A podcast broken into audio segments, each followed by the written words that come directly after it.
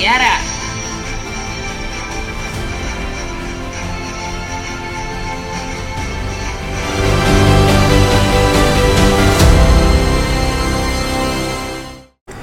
Assalamualaikum warahmatullahi wabarakatuh. Halo sahabat Mutiara, Eh, kembali lagi bersama saya Yusuf Purwanto, agronomis untuk wilayah Brebes dan Segal. Sahabat Mutiara, sebelum-sebelumnya saya menemani sahabat Mutiara di Jelajah Tani dan Temu Tani Online. Nah, pada video podcast kali ini saya juga kembali mengulas salah satu tanaman yang potensial di wilayah saya, yaitu bawang putih. Saya akan lebih menekankan eh, bagaimana sih peranan kalsium pada tanaman ini. Yuk, simak videonya.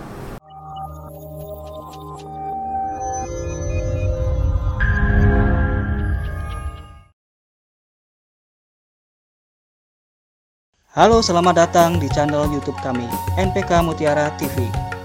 Di channel ini, Anda akan mendapatkan informasi dan edukasi seputar pertanian, khususnya nutrisi tanaman. Tonton video-video kami, jangan lupa like video kami, subscribe, dan pentung tanda loncengnya untuk terus mendapat update dari kami. Sahabat Mutiara, tema video podcast pada kali ini yaitu kalsium pada bawang putih. Bawang putih mempunyai nama latin Allium sativum, merupakan salah satu tanaman potensial untuk dikembangkan di Indonesia. Permintaan dan tingkat konsumsi masyarakat yang semakin uh, tinggi merupakan indikasi pentingnya pengembangan teknik dan usaha budidaya tanaman ini.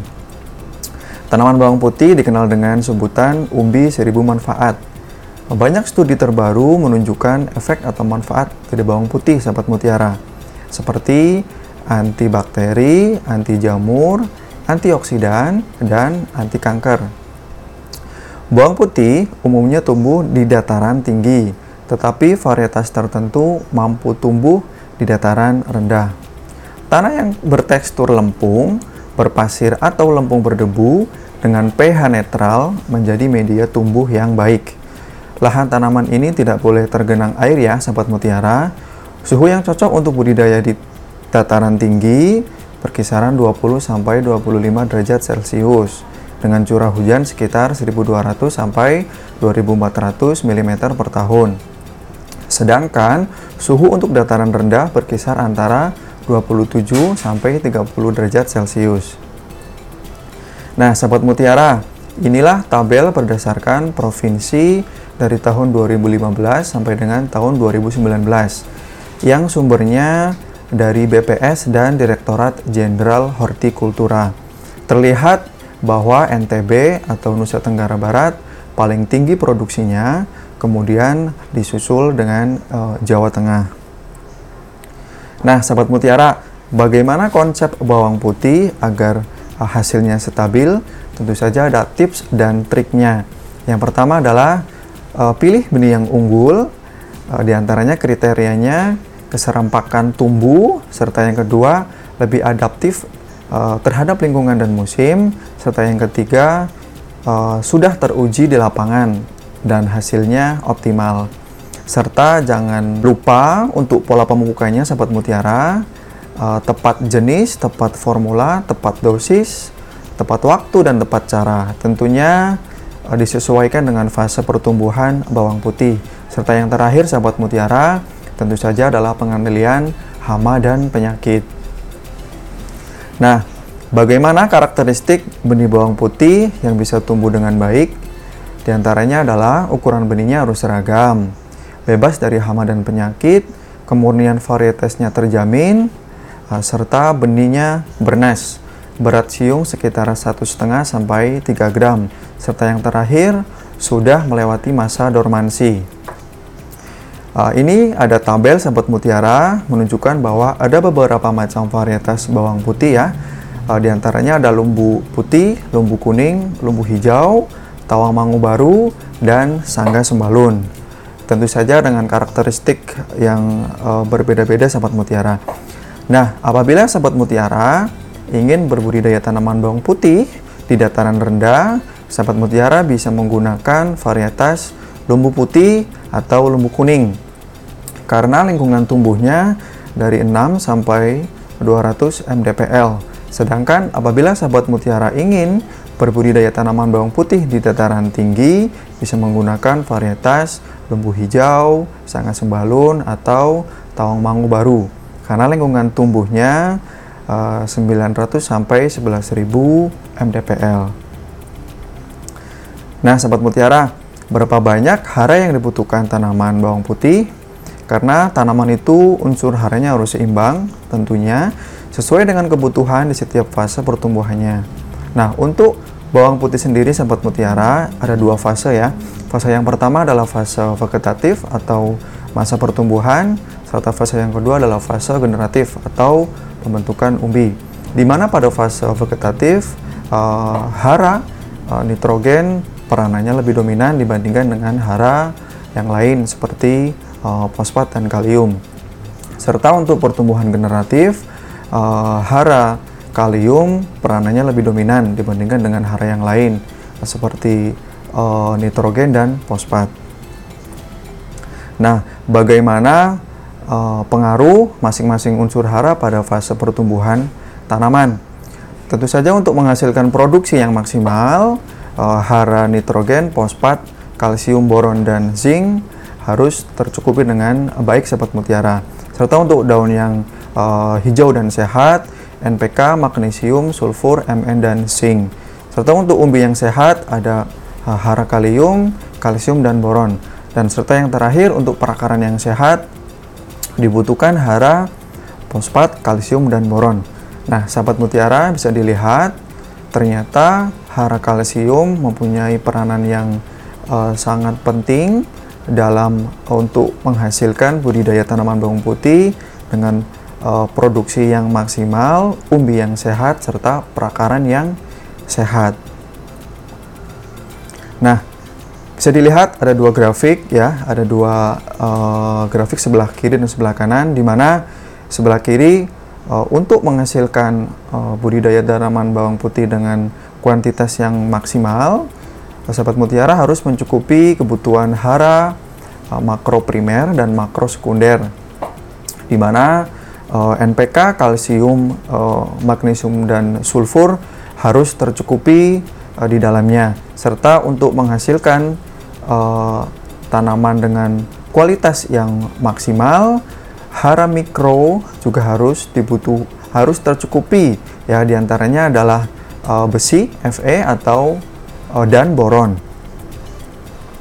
Pada video podcast uh, kali ini saya membahas tentang kalsium ya sempat mutiara di mana pada slide sebelumnya hara ini mempengaruhi produksi umbi dan perakaran yang sehat pada tanaman bawang putih. Nah, apa sih peran kalsium? Kalsium berperan sebagai penguat dinding sel serta perekat antar dinding-dinding sel dalam jaringan tanaman sahabat mutiara. Uh, apabila dinding selnya uh, kuat dan sehat, tentu saja uh, hasil panen umbi dan daya simpan lebih panjang, tidak mudah busuk tentunya, dan mengurangi penyusutan uh, setelah panen sahabat mutiara. Dan apa yang terjadi jika tanaman kekurangan kalsium? Nah, tentu saja akan mengalami beberapa macam uh, kendala yang sempat mutiara. Di antaranya adalah pertumbuhan akarnya melambat, rambut akar tidak ber, tidak terbentuk, dan akar membentuk lendir dan membusuk. Pertumbuhan daun terhambat, serta mereka mengembangkan bintik klorosis sahabat mutiara, kemudian menjadi kuning dan mati sebelum waktunya karena T plus boron ini mempunyai kandungan hara nitrogen, uh, kalsium dan dan boron. Nah, perlu diketahui sahabat mutiara, karate plus boron ini mengandung nitrogen dalam bentuk nitrat ya. Nitrat lebih tersedia bagi tanaman sehingga mampu memberikan respon pertumbuhan yang lebih cepat dibandingkan dengan nitrogen amonium. Dengan muatan uh, NO3 maka tidak mudah terikat oleh partikel tanah yang bermuatan negatif. Sehingga pengambilan hara oleh uh, hara yang lain seperti magnesium, kalsium, dan kalium lebih efektif sahabat mutiara. bersifat sinergis, tidak menyebabkan uh, tanah bersifat asam. Sedangkan dalam bentuk uh, amonium, apabila diberikan dalam jumlah porsi yang cukup tinggi, uh, tanah akan mengalami perubahan sahabat mutiara sehingga tanah akan lebih asam dan pH-nya rendah. Nah, ini adalah karakter plus boroni uh, mengandung kalsium larut air sehingga kalsium yang tersedia dapat diambil oleh tanaman mengikuti tarikan transpirasi daun tanaman sahabat mutiara. Kalsium uh, sangat penting untuk titik-titik tumbuh tanaman seperti pucuk, baru, dan ujung-ujung akar. Nah, kalsium juga berperan sebagai bahan penguat dinding sel sahabat mutiara, serta perekat antar dinding-dinding sel uh, dalam jaringan tanaman tentunya. Dengan dinding sel yang lebih kuat dan sehat, maka hasil panen buah, bunga, batang, dan umbi memiliki daya simpan yang panjang atau shelf life tidak mudah busuk tentunya, dan mengurangi penyusutan setelah panen atau pasca panen. Nah, boron.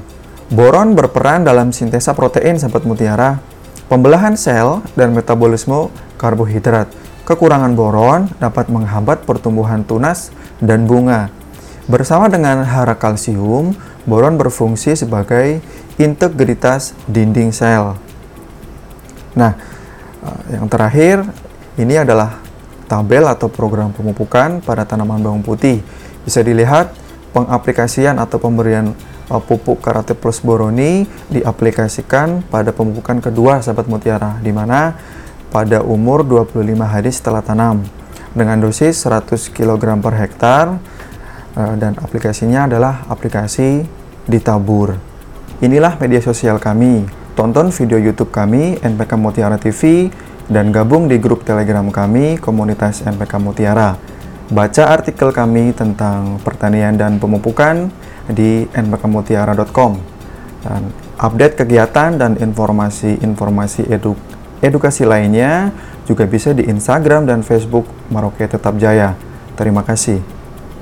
Nah, sahabat Mutiara, kesimpulan dari video podcast kali ini adalah pentingnya peranan kalsium pada tanaman bawang putih. Kalsium pada bawang putih berperan sebagai penguat dinding sel serta perekat antara dinding-dinding sel dalam jaringan tanaman. Tentu saja dengan dinding sel yang uh, kuat dan sehat, maka hasil umbi uh, dari bawang putih memiliki daya simpan yang lebih panjang, tidak mudah busuk, dan mengurangi penyusutan setelah panen. Sahabat Mutiara, jika video podcast ini dirasa bermanfaat, Bagikan video ini sebanyak-banyaknya di media sosial Anda supaya menjadi motivasi kami ke depannya untuk memproduksi lebih banyak lagi video edukasi. Dan jangan lupa ya, like video ini, subscribe channel NPK Mutiara TV, dan pentung tanda loncengnya agar sahabat Mutiara tidak ketinggalan video-video edukasi kami lainnya. Stay healthy, jaga jarak, dan selalu pakai masker. Sampai jumpa dan salam mutiara.